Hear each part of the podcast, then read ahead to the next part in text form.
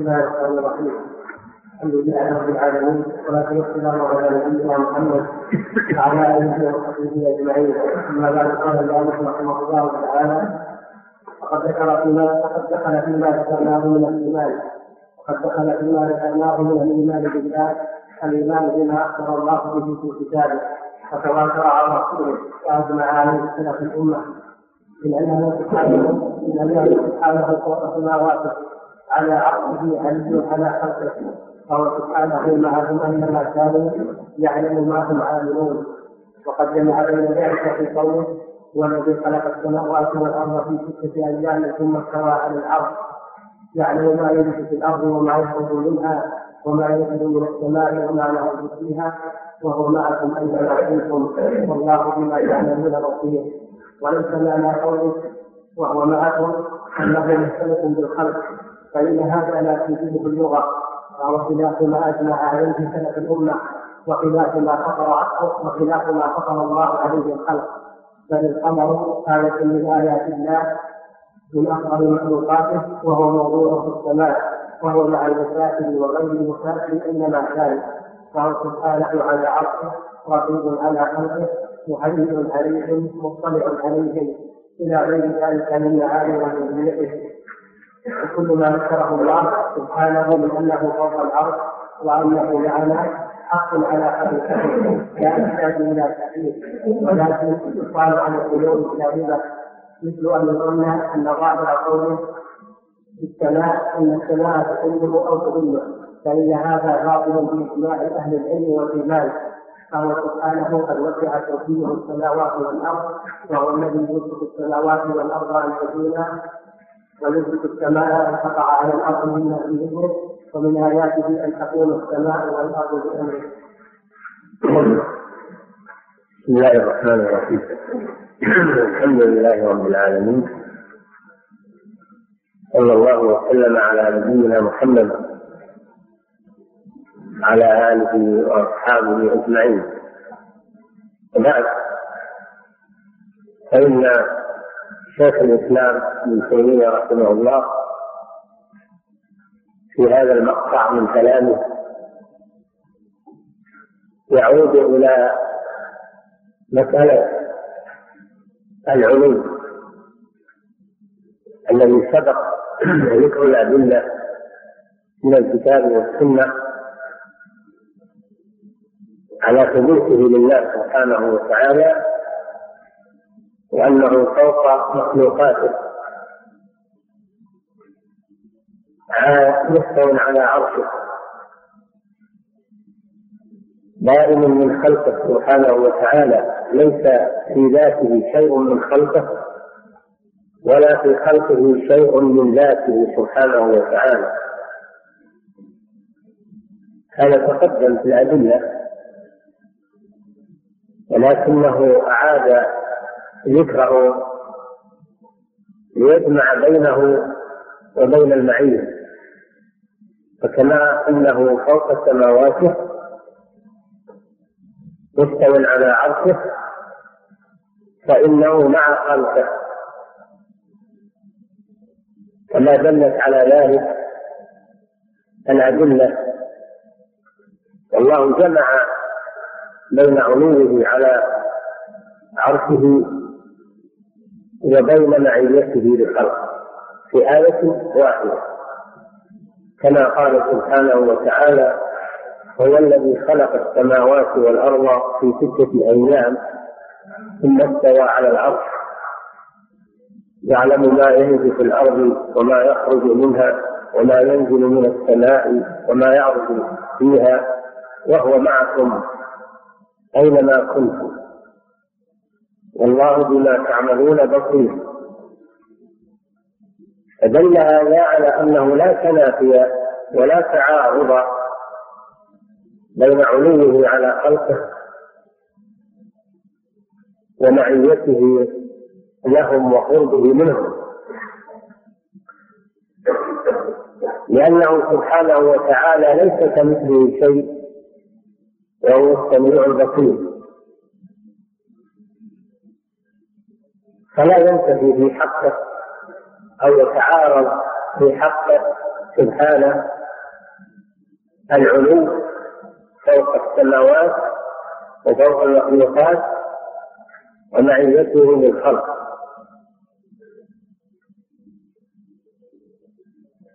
لا يتعارض كونه مع خلقه مع كونه فوق السماوات. ولا يتعارض كونه فوق سماواته مع كونه مع خلقه. فإنه سبحانه وتعالى ليس كمثله شيء وهو السميع البصير. في هذه الآية يخبر أنه استوى على العرش والعرش هو أعلى المخلوقات. وهو سقف المخلوقات وأعظم المخلوقات. وليس فوقه شيء إلا الله سبحانه وتعالى.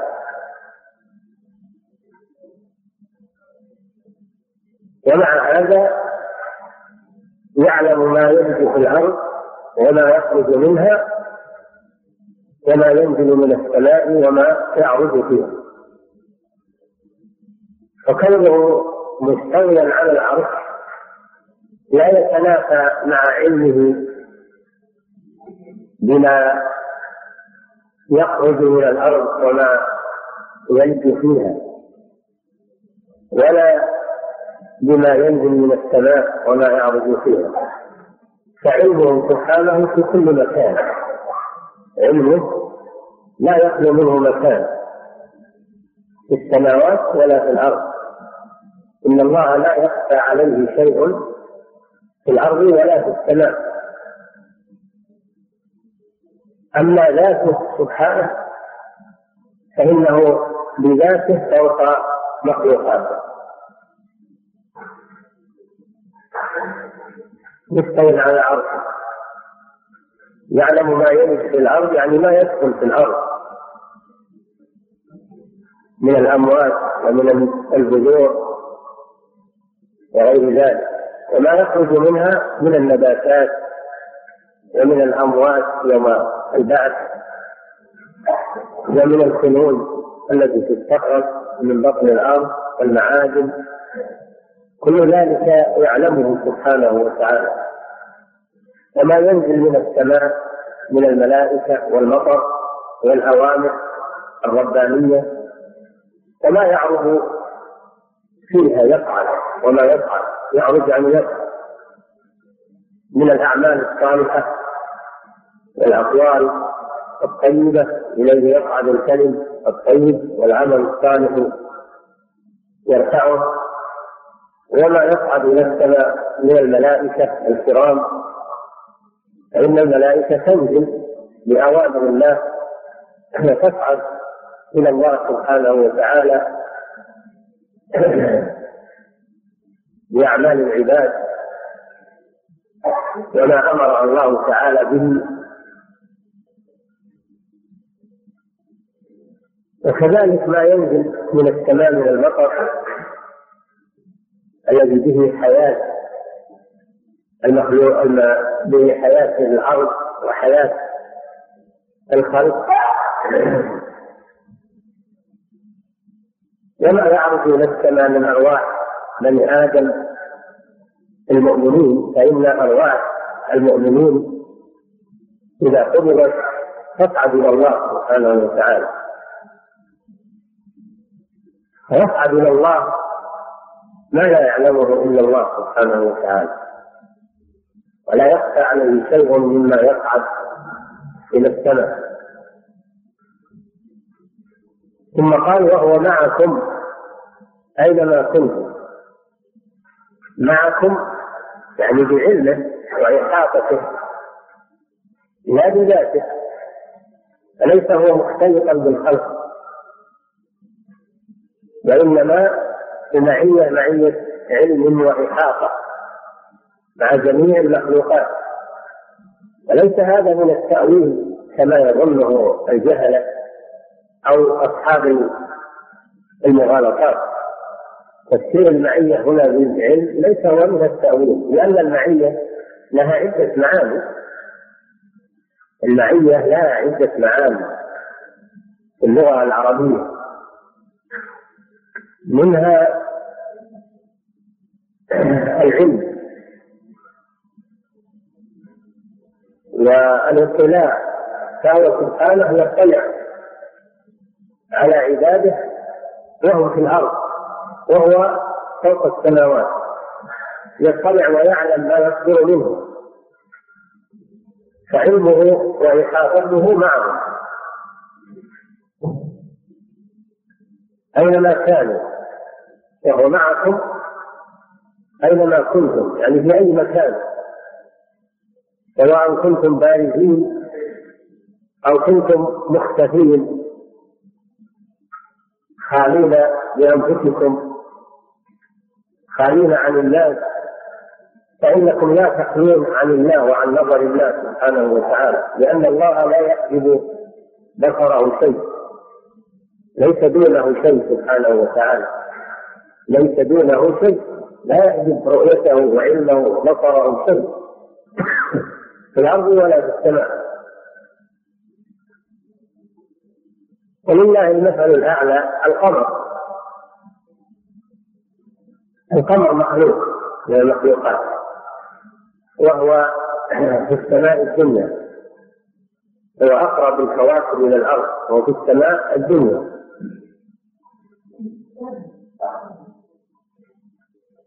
وهو مع المسافر ومع المقيم في البلد مع الناس كلهم. كلهم يستضيئون بنوره. وأينما توجهت القمر فوقك تشاهده ويتابعك سواء فقال وهو معكم أينما كنتم. معكم يعني بعلمه وإحاطته. لا بذاته. أليس هو مختلطا بالخلق؟ وإنما بمعية معية علم وإحاطة مع جميع المخلوقات. وليس هذا من التأويل كما يظنه الجهلة أصحاب المغالطات. تفسير المعية هنا بالعلم ليس هو من التأويل لأن المعية لها عدة معاني. المعية لها عدة معاني في اللغة العربية. منها العلم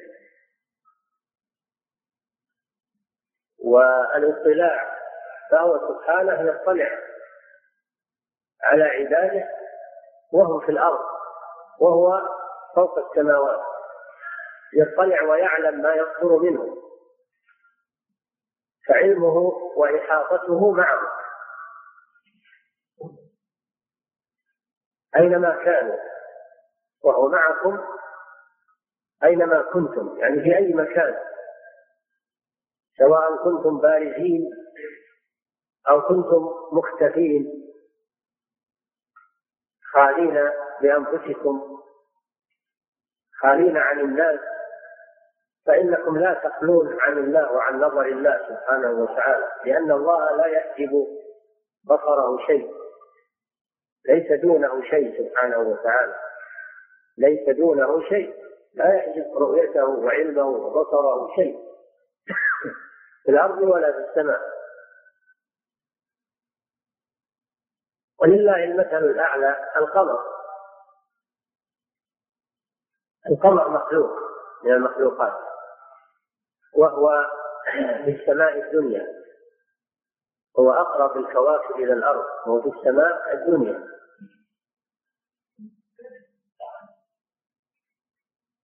وهو مع المسافر ومع المقيم في البلد مع الناس كلهم. كلهم يستضيئون بنوره وأينما توجهت فالقمر فوقك. تشاهده ويتابعك. سواء كنت على السطح أو في آه، داخل المنزل أو كنت في بر في المسافر تمشي في البر أو كنت في الشوارع والأسواق. أينما رفعت رأسك شوف القمر. فإذا كان هذا في شأن مخلوق من مخلوقات الله فكيف بالله سبحانه وتعالى؟ والعرب تقول ما زلنا نسير والقمر معنا.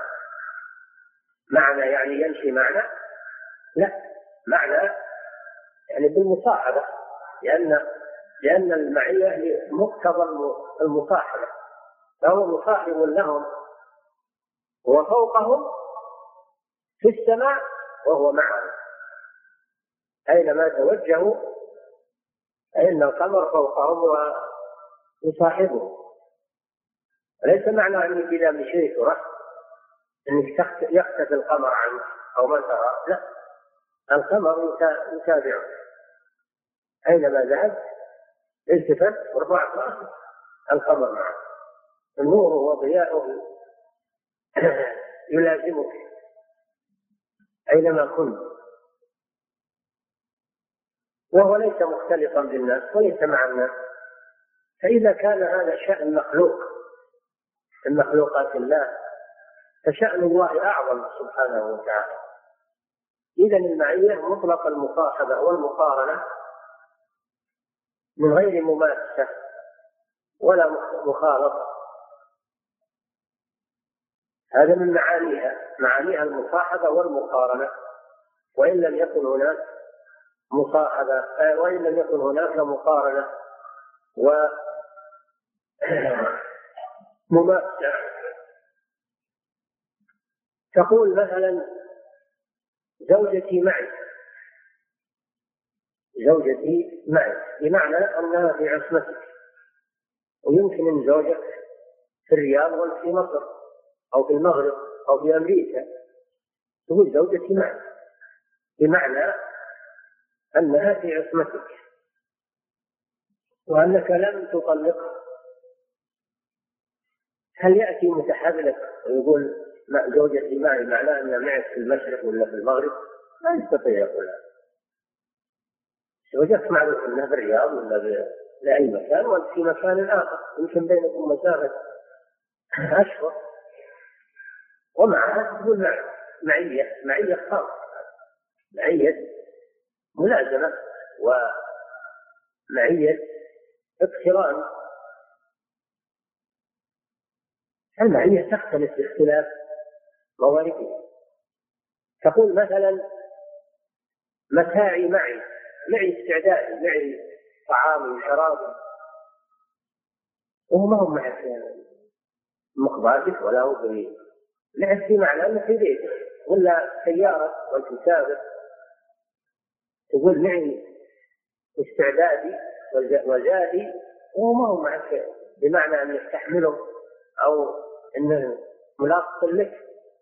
ولكنه معك في السيارة أو على الدابة فمعنى المعية هنا المصاحبة. معي ذاتي معي بمعنى أنه مصاحب لك. ولو لم يكن ملاصقا لك قد يكون بعيدا عنك. المعية ليس معناها الملاصقة والمماسة دائما. هي لها معاني ويتفسر في كل موضع بحسبها تقول علمي معي فكري معي عقلي معي. هو ما يشاف لا يشاف عقل ولا يشاف فكر وين هو اللي معك؟ ما معك شيء. أنا اشوفك الآن ما معك شيء. هذا أمر معنوي. بمعنى أنه مصاحب لك ومقارن لك وإن لم يكن شيئا يرى ملاصقا لك ومتصلا بك اتصالا محسوسا يشاهد المعية المعية حسب موارده. فدل على أن المعية لها معاني هي مقصورة على المخالطة والمماسة والمحاذاة وإنما لها معاني هي لمطلق المصاحبة والمقارنة. سواء كان هذا المصاحب والمقارن فوقك أو عن يمينك أو عن شمالك أو مماسا لك وملاصقا لك المعية عامة. كمعية الله لخلقه تفسر بأنها اطلاعه عليهم وعلمه بأحوالهم وهو فوق سماواته سبحانه وتعالى لا يخفون عليه. فليس هذا من باب التأويل كما يركز عليه المغرضون الذين يقولون إن أهل السنة يؤولون. ونقول لهم كذبتم هذا ليس من التأويل هذا من التفسير. لأن المعية لها عدة معاني تفسر في كل موضع بحسبها. وليس هذا من التأويل. من الذي حصر المعية بأنها المحاذاة والمخالطة من هو اللي حصر هذا؟ هاتوا لنا واحد من أئمة اللغة قال هذا الكلام. لكن لضلالكم أو لجهلكم إما لضلالكم وتمويهكم على الناس أو لجهلكم بمعنى اللغة قلتم إن السلف يؤولون لأنهم فسروا وهو معكم أي بعلمه وإحاطته. فهذا إما صادر عن جهل وإما صادر عن تعمية وتلبيس على الناس هذا معنى مع في لغة العرب.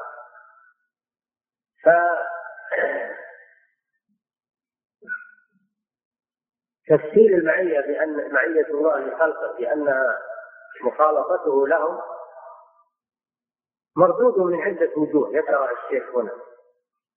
أولا أنه خلاف اللغة خلاف اللغة العربية. قد عرفتم معنى المعية في اللغة العربية وأنه يفسر في كل شيء بحسبه وأن لها عدة معاني. ليس معنى ليس محصورة في معنى واحد.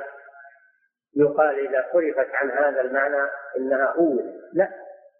الشيء إذا كان له عدة معاني وفسر بأحدها فإن هذا يسمى تفسيرا ولا يسمى تأويلا كما تقولون. الثاني أن هذا القول مخالف لما في الكتاب والسنة. من نفي الحلول وإثبات العلو لله سبحانه وتعالى وأنه فوق مخلوقاته. فتفسير المعية بالحلول هذا مخالف للأدلة القرآنية والأحاديث النبوية التي تثبت أن الله فوق مخلوقاته مستو على عرش ليس حالا في مخلوقاته تعالى الله عن ذلك. فهو أكبر من كل شيء. هو أكبر سبحانه وتعالى من كل شيء.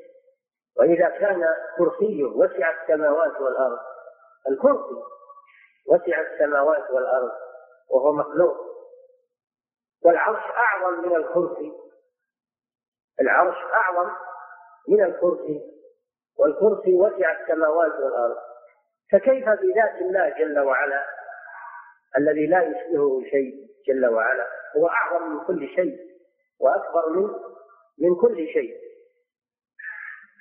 فكيف يكون حالا في مخلوقاته كما تقولون؟ هذا خلاف ما دل عليه الكتاب والسنة.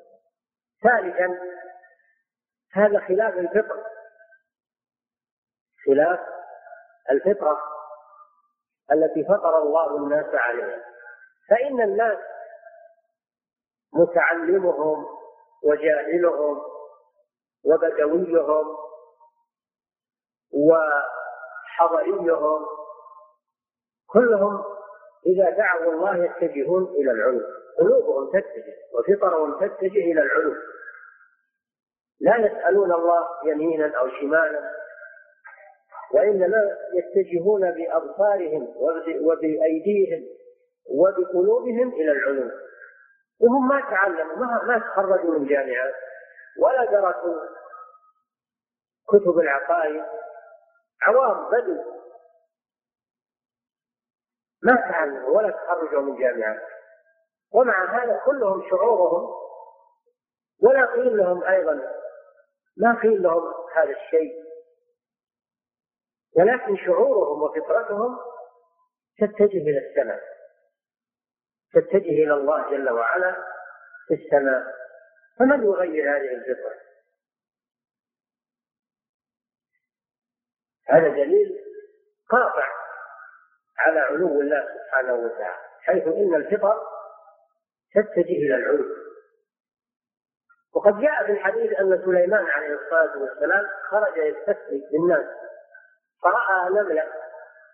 يعني من أحاديث البلوغ. في بلوغ المرض راى نملة مستلقية رافعة قوائمها إلى السماء وهي تسأل ربها وتقول اللهم إنا آه، خلق من خلقك ليس بنا غنى عن سقياك.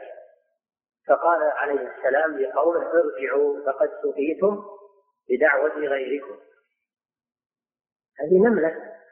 بنت خرجة من جامع هي دارسة من العقائد. لكن الله فطرها على هذا. الله جل وعلا فطرها على هذا. وكل المخلوقات حتى البهائم حتى النمل تتجه إلى السماء. وهو جعلها الله في قلوب الناس. لكن الجهمية قبحهم الله لما خربت فطرهم وانتكست فطرهم اعتقدوا خلاف هذا يعني من فساد الفطرة. رابعا ما تواتر عن النبي صلى الله عليه وسلم في الأحاديث التي سبق بعضه أن الله جل وعلا في السماء ألا تأمنوني؟ يقول صلى الله عليه وسلم ألا تأمنوني؟ وأنا أمين من في السماء؟ ويقول صلى الله عليه وسلم للجارية أين الله؟ قالت في السماء. قال قال من أنا؟ قالت أنت رسول الله. قال أعتقها. فإنها مؤمنة. الحديث متواتر والمتواتر هو ما رواه جماعة يستحيل تواطؤهم على الكذب عن مثلهم من بداية السند إلى نهايته جماعة عن جماعة عن جماعة عن جماعة. يستحيل تواطؤهم على الكذب. هذا هو المتواتر. أحاديث العلوم متواتر جاءت عن النبي صلى الله عليه وسلم في طرق متواترة أن الله في السماء. فكل هذه الأدلة ترد على الحلولية وتثبت أن الله في السماء وأنه لا تنافي بين كونه في السماء وكونه مع عباده بعلمه وإحاطته ورؤيته وبصره سبحانه وتعالى لا بذاته تعالى الله عن ذلك علوا كبيرا فإنه أكبر من كل شيء وأعظم من كل شيء. وسيأتي زيادة تقرير لهذا المعنى معنى قوله في السماء ومعنى أنه مع عباده سبحانه وتعالى. نعم. فوق عرشه رقيب على خلقه معلم عليهم مطلع عليهم إلى غير ذلك من معاني ربوبيته وسبحانه فوق عرشه كما دلت على ذلك الأدلة. والإستواء ثابت بدليل السمع. يعني بالأدلة السمعية. لا بدليل العقل وإنما بدليل السمع. أما العلو فإنه ثابت بدليل العقل ودليل السمع ودليل الفطرة. ثابت بدليل العقل ودليل السمع ودليل الفطرة. هذا العلو. أما الاستواء فإنه صفة فعل. العلو صفة ذات. وأما الاستواء فإنه صفة فعل ثابت بالسامع فقط وهو ما جاء في القرآن والسنة من الأدلة السمعية. هو فوق سماواته سبحانه وتعالى. وهو مع خلق بعلم مطلع عليهم مهيمن عليهم مهيمن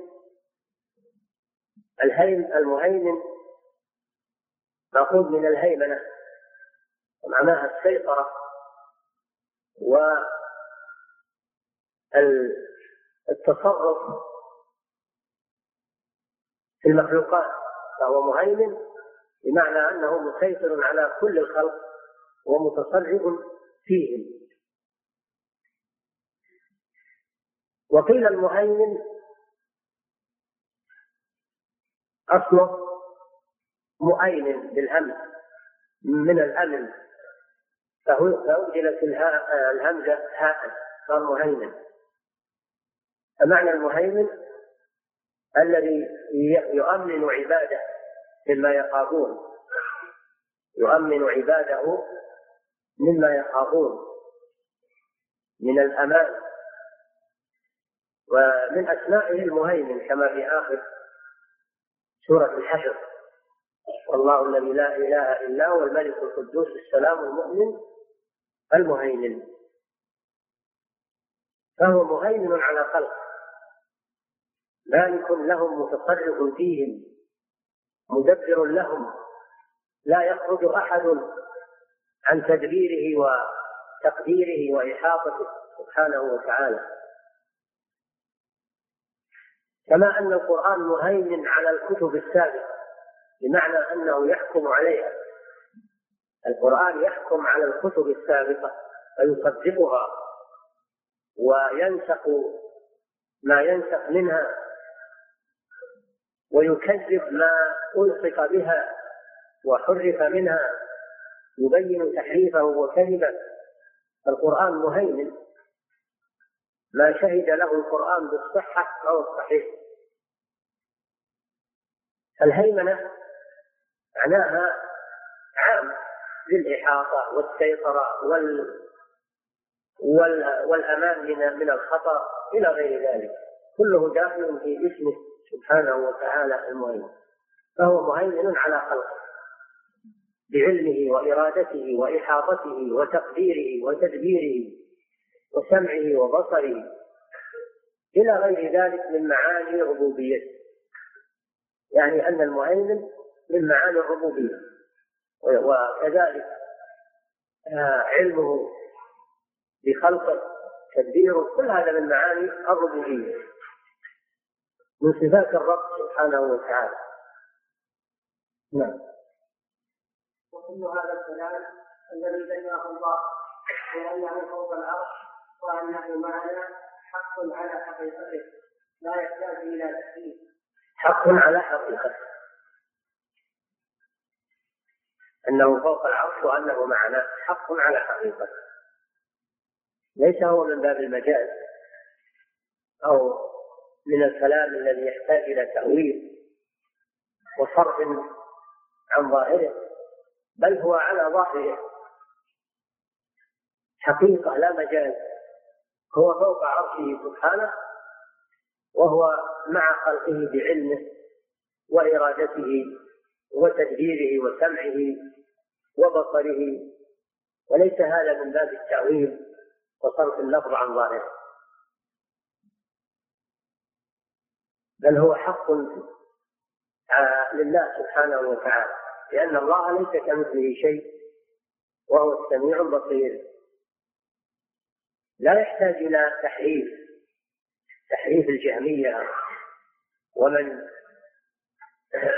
سار في ركابهم من المعتزلة والأشاعرة وسائر الفرق الضالة التي تؤول تؤول استواءه على العرش بالاستيلاء وتؤول علوه على خلقه في علو القهر والقدر. يقول هو القائم فوق عباده يعني بقهره وهو والعلو يفسرونه بعلو القدر. أهل السنة يقولون هو فوق مخلوقاته بذاته وبقدره وبقهره سبحانه وتعالى. أنواع العلو ثلاثة علو الذات وعلو القدر وعلو القهر. كلها ثابته لله سبحانه وتعالى. فأهل السنة يثبتون معاني العلو الثلاثة. أما أهل التعطيل فإنهم ينفون علو الذات ويثبتون علو القدر وعلو القهر فقط.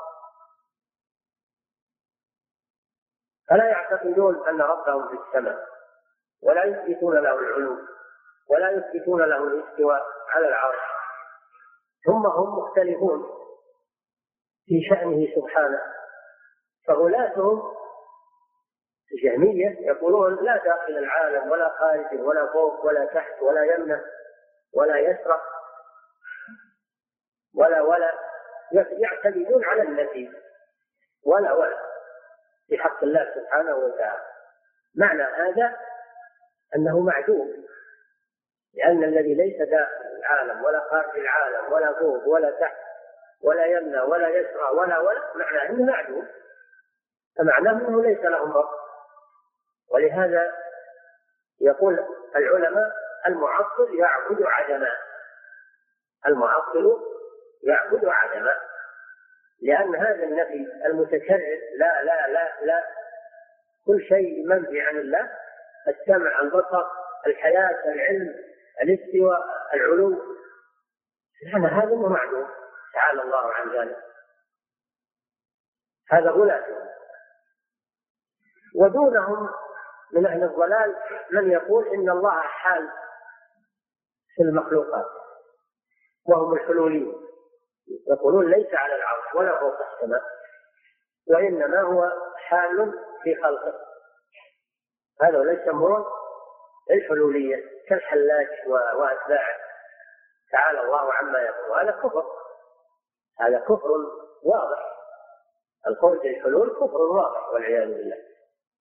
لأنه تنقص لله عز وجل وجحد لكماله وعلوه وتكذيب لكتاب الله ولسنة رسوله ولإجماع المسلمين. وما اتفقت عليه الشرائع.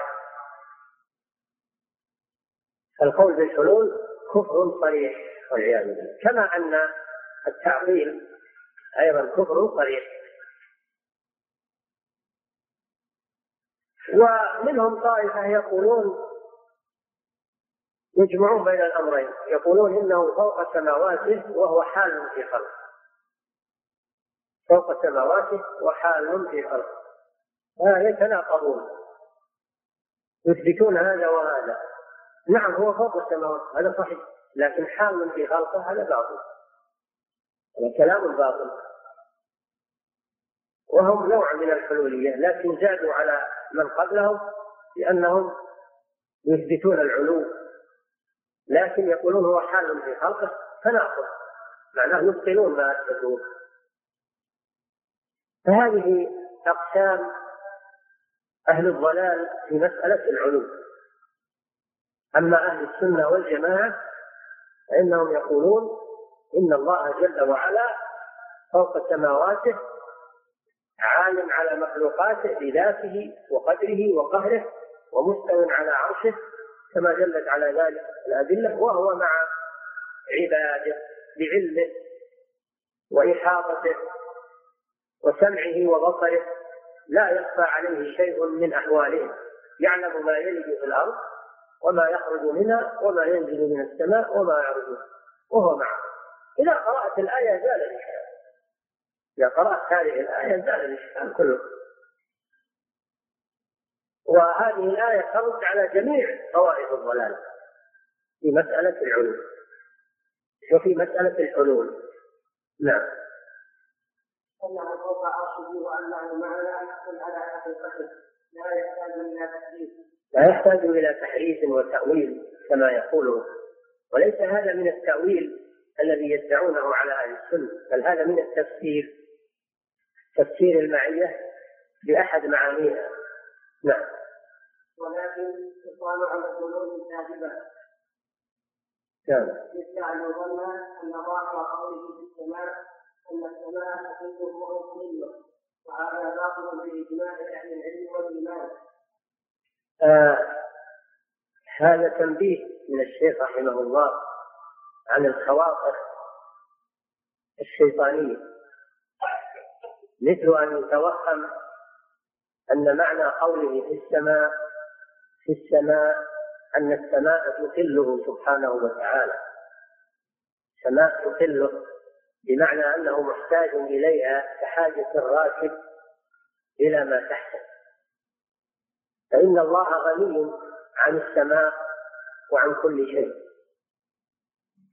وليست السماء تقله بل هو الذي يمسك السماء ويمسك الأرض. إن الله يمسك السماوات والأرض أن تزولا. ولئن زالتا إن أمسكهما من أحد من بعده. إنه كان حليما غفورا.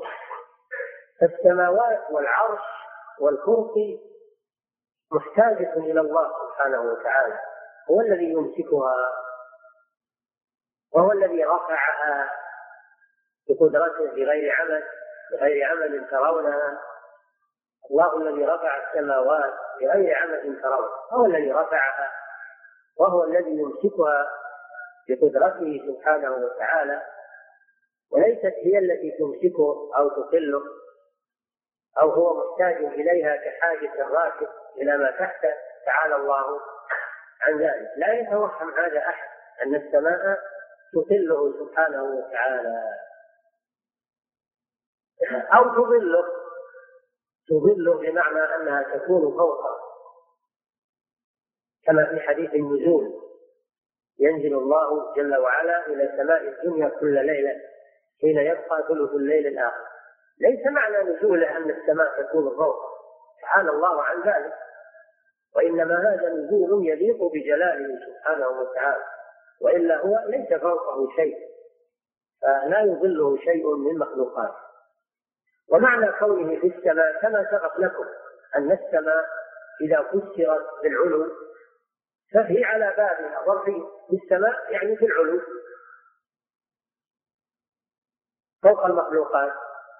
أما إذا أريد بالسماء السماء المبنية فإن فيه تكون بمعنى على. بمعنى على. كقوله تعالى فسيروا في الأرض. يعني على الأرض. فإن في تأتي أحيانا بمعنى على. سيروا في الأرض يعني على الأرض. ولأصلبنكم في جذوع النخل يعني على جذوع النخل ففي تأتي بمعنى على فإذا فسرت السماء بالسماء الأجرام المبنية فمعنى كونه في السماء أي على السماء فوقها سبحانه وتعالى. السماء لا تضل سبحانه وتعالى ولا يكون في داخلها ولا يحل في شيء من خلقه لا في السماء ولا في الأرض. تعالى الله عن ذلك. علوا كبيرا وهو أعظم من كل شيء. السماوات والأرض بالنسبة إليه بالنسبة إليه كلا شيء كخردل في يد أحدكم. فالسماوات والأرض وجميع المخلوقات بالنسبة إليه كلا شيء. فكيف تضله أو تضله سبحانه وتعالى؟ وإنما هذه المخلوقات كلها بحاجة إليه. هو الذي أوجدها وهو الذي رفع السماوات ورفع العرش والكرسي وهو الذي يمسكها أن تزول ويمسك السماء أن تقع على الأرض إلا بإذنه. لولا أن الله أمسك السماوات لوقعت على الأرض. لأن الشيء المرتفع إذا لم يكن له شيء يمسكه سقط على ما تحته. فلولا أن الله يمسك السماوات بقدرته سبحانه لسقطت على الأرض ويمسك السماء أن تقع على الأرض إلا بإذنه سبحانه وتعالى. إذا فليس هو بحاجة إلى إلى العرش. فلا يفهم فاهم أو يظن ظان أن معنى قوله استوى على العرش أنه محتاج إلى العرش. أو يظن ظان أن معنى كونه فوق السماوات أنه محتاج إلى السماوات كحاجة الراكب إلى ما تحته فإنه سبحانه غني عن كل شيء وكل شيء محتاج إليه سبحانه وتعالى. نعم.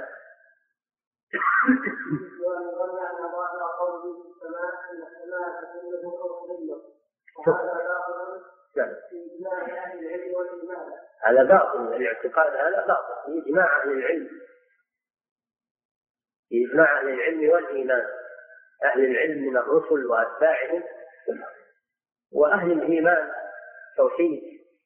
وإنما هذا ظن المشركين والجهال والضلال. أما أهل العلم فإنهم ينزهون عن هذا الظن. وكذلك أهل الإيمان الصحيح. ينزهون عن هذا الظن. فمن ظن هذا فإنه ليس بمؤمن. وإن ادعى أنه أنه علم فإنه جهل وليس بعلم. هذا جهل وليس بعلم. لو ادعى أنه فهم من الآيات في السماء أن السماء تكله نقول له فهمك خطأ. وهذا جهل منك. وليس معنى النصوص ما فهمت وليس هذا علم وإنما هو جهل وضلال يجب التوبة منه. نعم.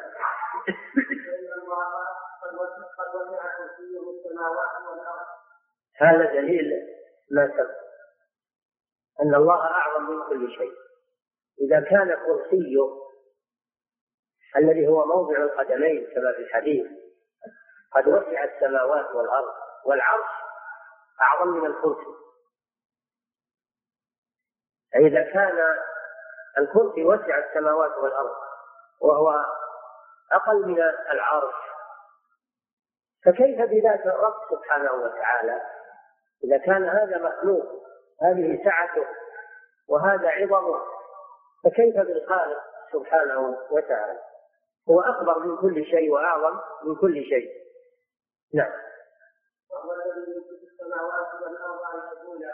يعني فليس فليست السماوات والأرض هي التي تمسكه. وإنما هو الذي يمسك السماوات والأرض أن تزول إذا فهو ليس بحاجة إلى السماوات والأرض. وإنما الأرض والسماوات بحاجة إليه سبحانه وتعالى. نعم. كذلك.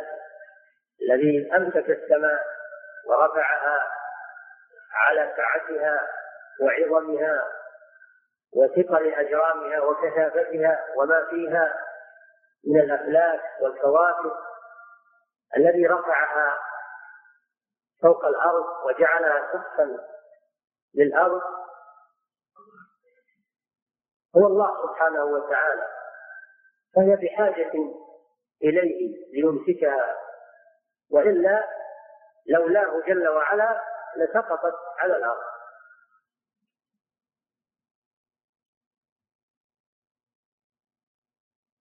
من آياته أي العلامات الآية معناها العلامة أي من العلامات الدالة على قدرته واستحقاقه للعبادة دون غيره؟ أن تقوم السماء والأرض بأمره. السماء والأرض. هذا النظام الكوني. هذه الأرض بطباقها وسعتها والأرض غرسناها فنعم المائدون والسماء بنيناها بأيد وإنا لموسعون والأرض فرشناها فنعم المائدون فالذي خلق هذه الكائنات العلوية والسفلية دليل على ربوبيته واستحقاقه للعبادة للعبادة ومن آياته أن تقوم السماء عالية مرتفعة بما فيها من الأجرام الهائلة التي لا يعلمها إلا الله سبحانه وتعالى. ولو قرأتم ما, يذكره الفلكيون ورواد الفضاء الآن من الأجرام ومثاقيل الأجرام. لتعجبتم كل هذا في الفضاء وفي الكون. من الذي رفعه؟ من الذي أمسكه؟ مع أنه علمهم قليل. علمهم قليل ومحدود. ومع هذا يذكرون أشياء عجيبة. من الذي أمسك هذه الأجرام؟ في الفضاء ولم تسقط على ما تحتها إلا الله جل وعلا. تقوم السماء في مكانها ولا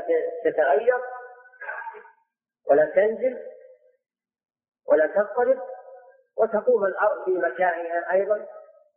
فلا تزول ولا تضطرب من الذي أقامها على هذا الشكل إلا الله جل وعلا. فدل على أنها محتاجة إليه وهو غني عنها هو الذي يقيمه. أن تقوم السماء والأرض بأمره. يعني لا يحتاج انها سبحانه وتعالى. لا يحتاج انه يباشر هذا الشيء ويحملها وإنما بأمره. يقول للشيء كن فيكون يقول للشيء كن فيكون. نعم.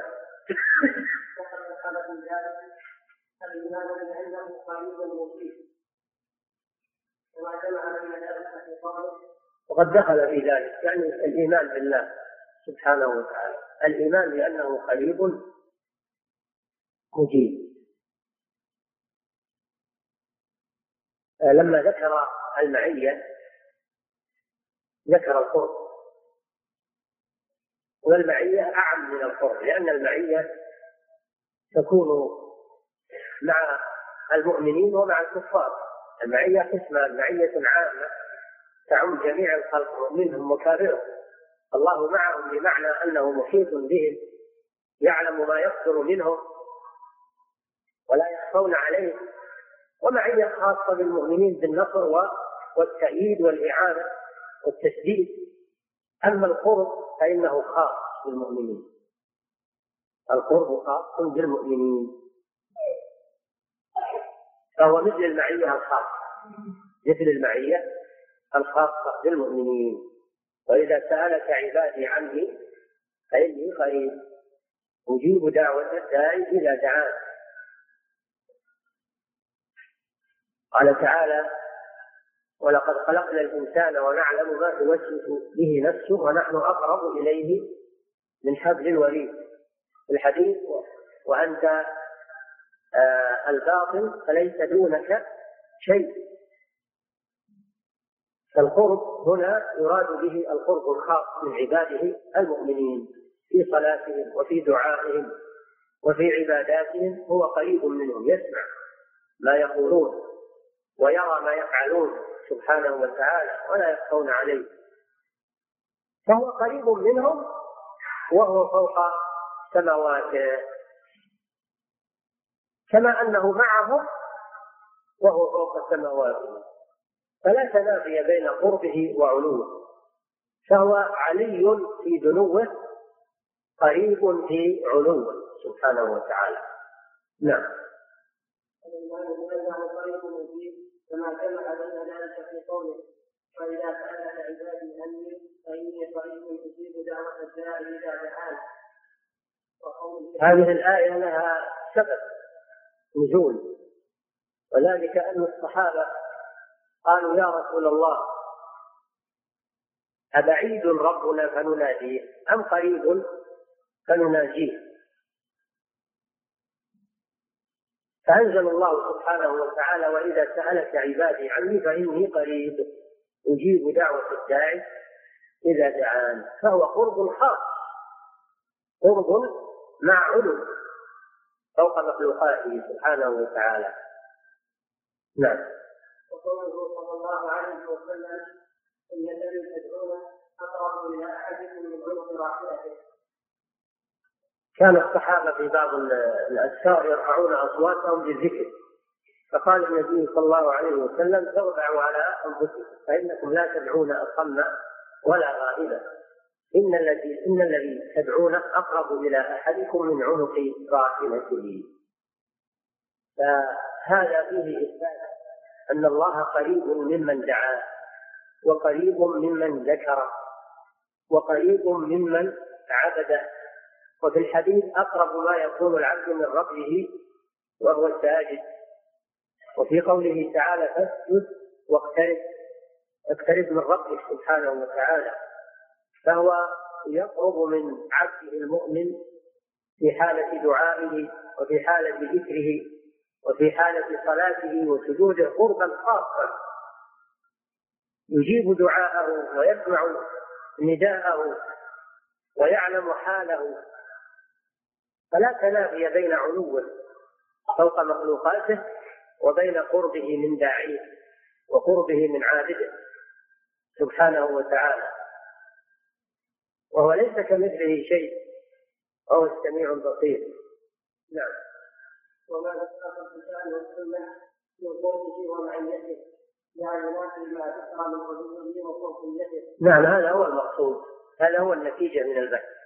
أن ما ذكر في الكتاب والسنة من قربه ومعيته لا ينافي ما ذكر من علوه وفوقيته.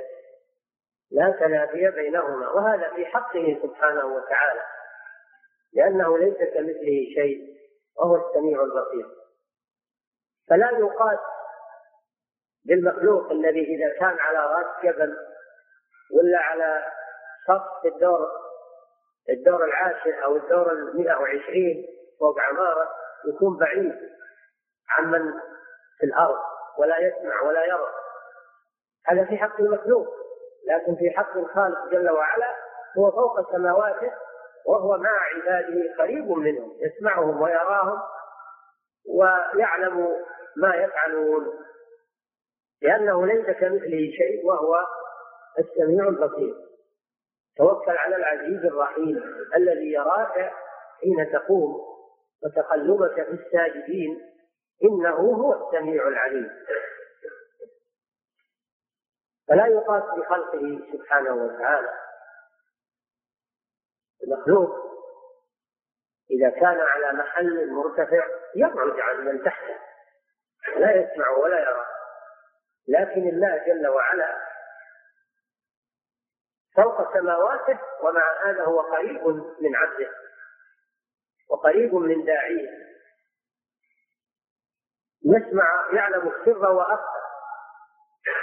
ولقد خلقنا الإنسان ونعلم ما توسوس به نفسه. يعلم ما توسوس توسوس به نفس الإنسان ولو لم ينطق. وهو فوق سماواته سبحانه وتعالى. هذا عجيب. هذا خاص بالله سبحانه وتعالى. نعم. وذلك الكتاب والسنة من قربه ومعيته لا ينافي ما ذكر من علومه وفوقيته فإنه سبحانه ليس كمثله شيء في جميع نعوته. هذا ليس كمثله شيء في جميع نعوته.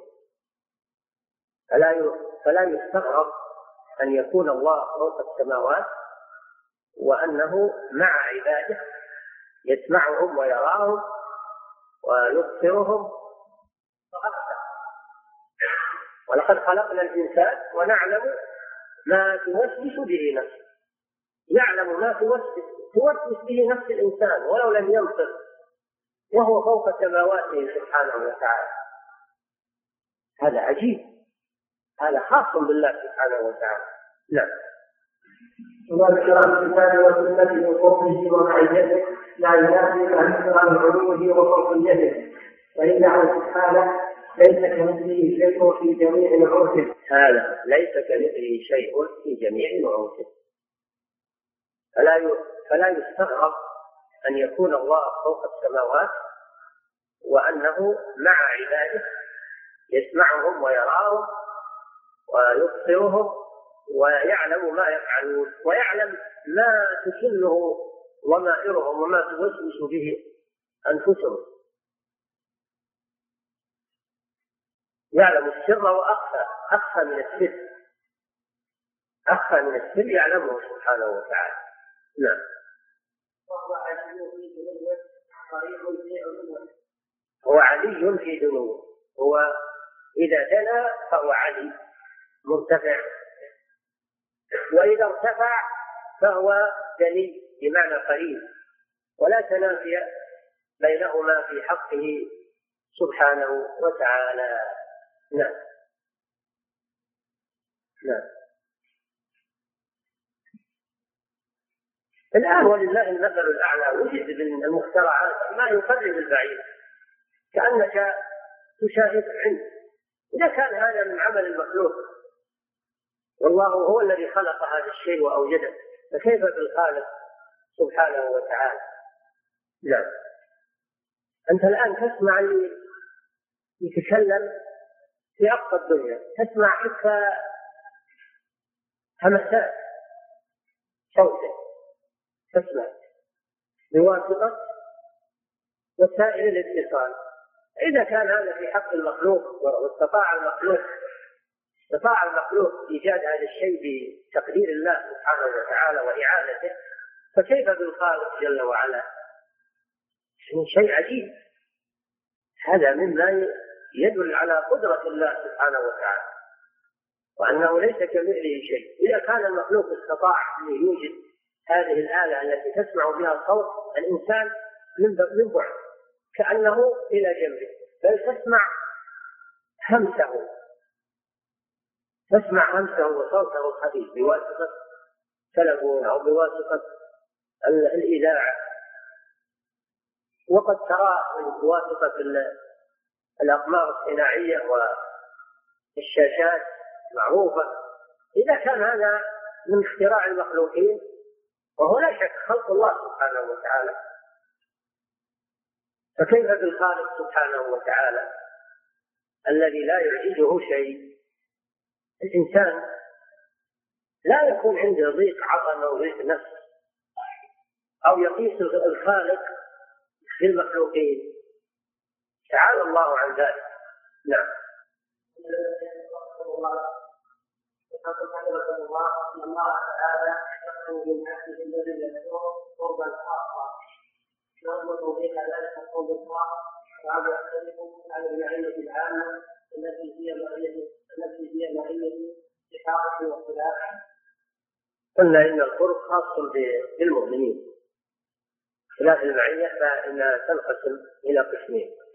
قسم عام للمؤمنين والكافرين وقسم خاص للمؤمنين.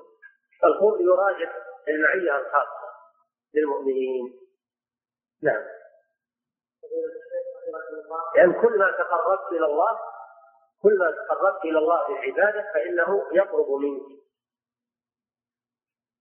يقول جل وعلا في الحديث القدسي من تقرب إلي آه، ذراعا تقربت منه باعا.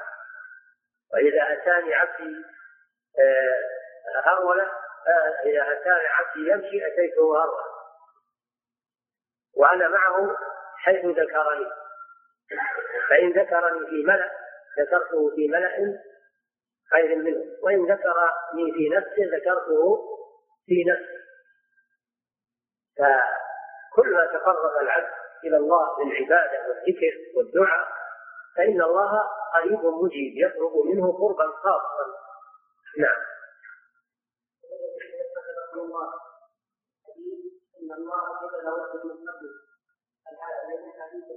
نعم نعم. هذا من أحاديث القرب هذا من أحاديث القرب وأقرب ما يكون العبد من ربه وهو ساجد.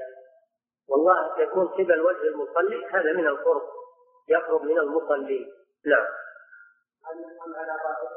نعم نفهم على الله وش المانع؟ وش المانع من هذا في حق الله سبحانه وتعالى. الله على كل شيء قدير. نعم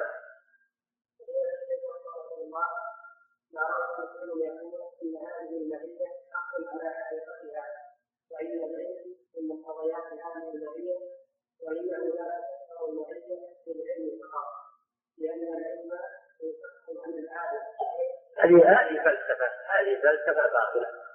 يكفينا ما قرره الأئمة. أما هذه الفلسفات والحذلقات التي جاء بها بعض المعاصرين يا أخوان شوفوا السلف أدق في علمهم وأفهم وأورع وأخشى لله سبحانه وتعالى. فالعبارات التي تركها السلف لا يسعنا أن نأتي بها وأن نحدثها. يسعنا ما وسع السلف وما عصروه لأنهم خصوصا صحابة رسول الله صلى الله عليه وسلم. لأنهم أعمق الناس علوما وأقلهم تكلفا. السلف ما تركوا شيء فيه خير ابدا وما قصروا في شيء. في توضيح العقيدة وتوضيح النصوص وتفسير القرآن ما قصروا في شيء. جزاهم الله خيرا. فعلينا أن نتقيد بعبارات السلف ولا نحدث فلسفات وكلام محلق كما يفعل بعض المتعالمين الآن. فإن هذا سبب للضلال وسبب للضياع. نعم.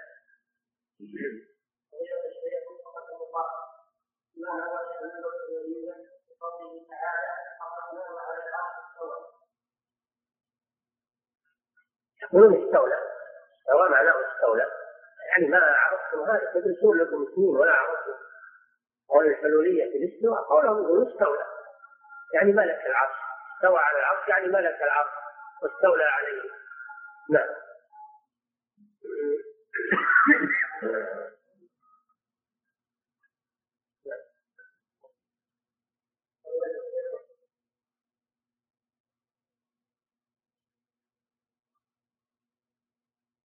سبحانه وتعالى يدل ذلك المهم هذا صريح في القرآن. آه وفي وكذلك الرقيب في قوله تعالى إن الله كان عليكم رقيبا. من أسماء الله؟ نعم.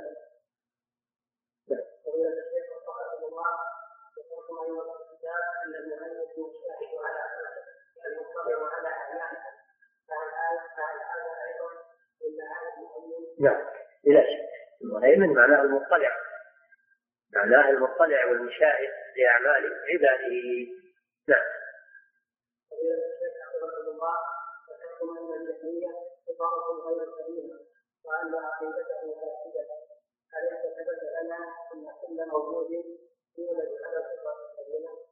نعم.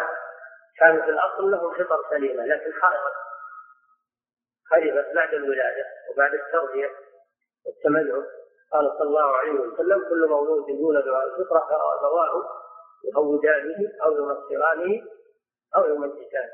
الجهمية ولدوا على الفطرة لكن لما تولاهم الملاحدة خربت فطرتهم ويقول جل وعلا في الحديث القدسي خلقت عبادي حلفاء فاجتالتهم الشياطين. نعم ففي شك إن الفطرة اصلها سليم عند الجهمية أو غيرهم ولكن انحرفت بسبب دعاة الضلال وعلماء السوء الذين تولوا تربيتهم نعم. استدل بعض العلماء ان القرب عام وخاص بالقرب العام من القران كقوله تعالى ونحن اقرب اليه من كل ولي وهذه تشمل المؤمن والكافر وقوله ونحن أقرب اليه منكم. إيه لكن الآية في ضمير الجمع ونحن أقرب. لشيخ الإسلام كلام حول هذا. يفهم منه أن المراد قرب الملائكة عند المحتضر. قرب الملائكة عند المحتضر ونحن أقرب إليه منكم ولكن لا تبصرون. فنحن بملائكتنا الذين وكلناهم بفضل روحه أقرب إليه منكم. نعم. لكن قوله وإذا سألك عبادي عني فإني قريب هذا لا ينصرف إلا إلى الله جل وعلا. يجيب دعوة الداعي إذا دعاه. في الحديث أقرب ما يكون العبد من ربه وهو ساجد هذا لا ينصرف إلا إلى الله. أما نحن أقرب إليه هذا يحتمل. من المراد الملائكة الذين أرسلهم الله إلى العبد لقبض روحه أو لكتابة عمله. ونعلم ما توسوس به نفسه ونحن أقرب إليه الملائكة الحضرة نعم قوله تعالى السماء ان تقع على الأرض الا هل احد السماء غير الله؟ من قال هذا؟ قال هذا أحد ان أحد يمسك السماء بغير إذن الله الله هو الذي يمسك السماوات والأرض أن تزول ويمسك السماء أن تقع على الأرض إلا بإذنه. من اعتقد أن احدا يمسك السماء والأرض فهو كافر. نعم. أن على المشكك في باب لأنه تشابه أسماء فقط أسماء معاني أسماء الله وأسماء المخلوقين مشتركة في الألفاظ ومشتركة في المعاني. العامة لكن الحقائق والكيفيات هذه خاصة بالله عز وجل. الحقيقة الخارجية والكيفية خاصة بالله. أما المعنى واللفظ فإنه مشترك. وهذا ما يسمونه بالمواقع بالمتواقي المتواقي من من الأدلة. والمتواقي هو ما اتفق لفظه ومعناه واختلفت حقيقته وكيفيته. نعم. بقول أهل في الوجود نعم. بقول أهل في الوجود يقولون إن الكون كله هو الله. ما فيه انقسام خالق ومخلوق. كل الكون هو هو الله. هو السماوات وهو الأرض وهو الحيوانات وهو الدواب والآدميين. اللي يعتقد إن هناك الله يسمونه مشرك. يسمونه مشرك. الموحد عندهم هو الذي يعتقد إن الكون كله هو الله ليس فيه انقسام تعالى الله عما يقولون علوا هذا أكثر مذاهب أهل الأرض. أكثر مذاهب أهل الأرض الحلولي وحدة الوجود. قول ابن عربي وغيره أهل وحدة الوجود. هم أكثر أهل الأرض. ما قال كفرهم ولا فرعون ولا إبليس ولا أحد من الخلق قال بقولهم نعم. الله ومعنى بالنسل تدل على وصول الله الفضاء واصحاب الصلاه إلى الكواكب الأخرى. وهو اعلم الكواكب الله الذي خلقها ورفعها. وكونهم يدعون ويدعون هم كفرة ما يقبل خبرهم ما يقبل خبرهم فالله جل وعلا يقول يا أيها الذين آمنوا إن جاءكم فاسق بنبأ فتبين كيف بالكافر؟ ما نقبل خبرهم. لو قالوا وصلنا نعم. ايهما أكثر القمر ام؟ الله أعلم. أنا ما ما قست ولا أدري. راجع إلى الله عز وجل. نعم. الله نقرا في كتب الكلام ان ثبوت؟ لا ما في صفة ذات وصفة فعل. صفة الذات من اليد والوجه. و القدم والساق هذه صفة الذات صفة الفعل مثل الخلق والرزق والإحياء والإماتة والاستواء. هذه صفة الفعل والكلام. هذه صفات فعل. صفات الذات مثل الوجه واليدين والعلم والقدرة والإرادة والعلو. كل هذه صفات ذات صفات الذات تنقسم إلى قسمين صفات معاني وصفات أعيان. نعم. الله التزام المعقلة لأن الناس من النفي والعدد يردون على ذلك أن انتهاء الحوادث ولا تجوز في حق الله فيها ولا مكان وكيف يرد عليه؟ عليهم هذا قول الشخص المحدث. الذي خلق الجهاد هو الذي أخبرنا أنه في السماء. أنه في جهة العلو الذي خلق الجهاد هو الذي أخبرنا وأخبرتنا رسله أنه في جهة العلو نعم. في بلادنا طرق صوفية أدخل في عقول المسلمين يقولون لهم إذا جلستم بالتشهد في أثناء الصلاة وعند قولكم وعلى عباد الله الصالحين. تخيل الرسول صلى الله عليه وسلم الصالحين والاولياء في قلوبكم ويسجدون هذا القول لابن حجر في شرح الشمائل عن ابن عباس عند قوله وعلى عباد الله الصالحين تخيل بقلبك رسول الله صلى الله عليه وسلم هل صحيح حصل هذا القول من ابن والإمام الغزالي وهل يجوز هذا الأمر؟ الغزالي له دخل الغزالي. إيش عنده؟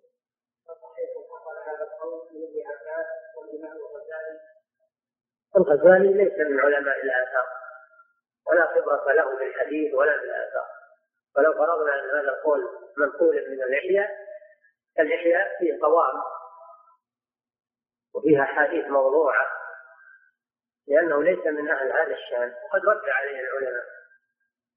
وأما التخيل حتى لو فرضنا أن ابن عباس قاله وحاشا أن يقوله لكن لو فرضنا أنه قاله فإنه لا يؤخذ بقوله في هذا الأمر عن أن نبرئ ابن عباس من هذا الشيء. لكن لو فرضنا هذا خلاف الأدلة. الرسول صلى الله عليه وسلم ما قال لنا تخيلوا عند قول السلام عليك أيها النبي تخيلوني أو السلام على عباد الله الصالحين. تخيلوا عباد الله هذا كلام محدث ليس من كلام الرسول صلى الله عليه وسلم. وما لم يكن من كلام الرسول فإنه لا عبرة به ولا قبول له سواء قدر من ابن عباس أو من غيره مع أني أنزه وأبرئ حق الأمة من هذا القول. نعم. الله تعالى أعلم وصلى الله وسلم على نبينا